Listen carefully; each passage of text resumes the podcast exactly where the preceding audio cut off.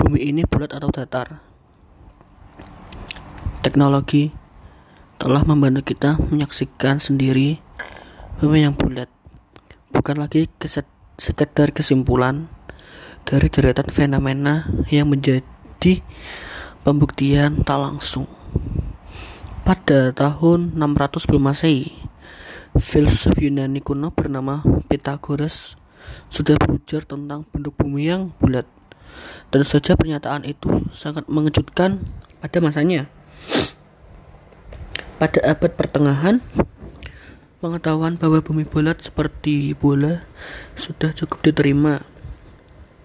Hanya saja seperti yang dibantah oleh Galileo, bumi masih dipandang sebagai pusat tata surya.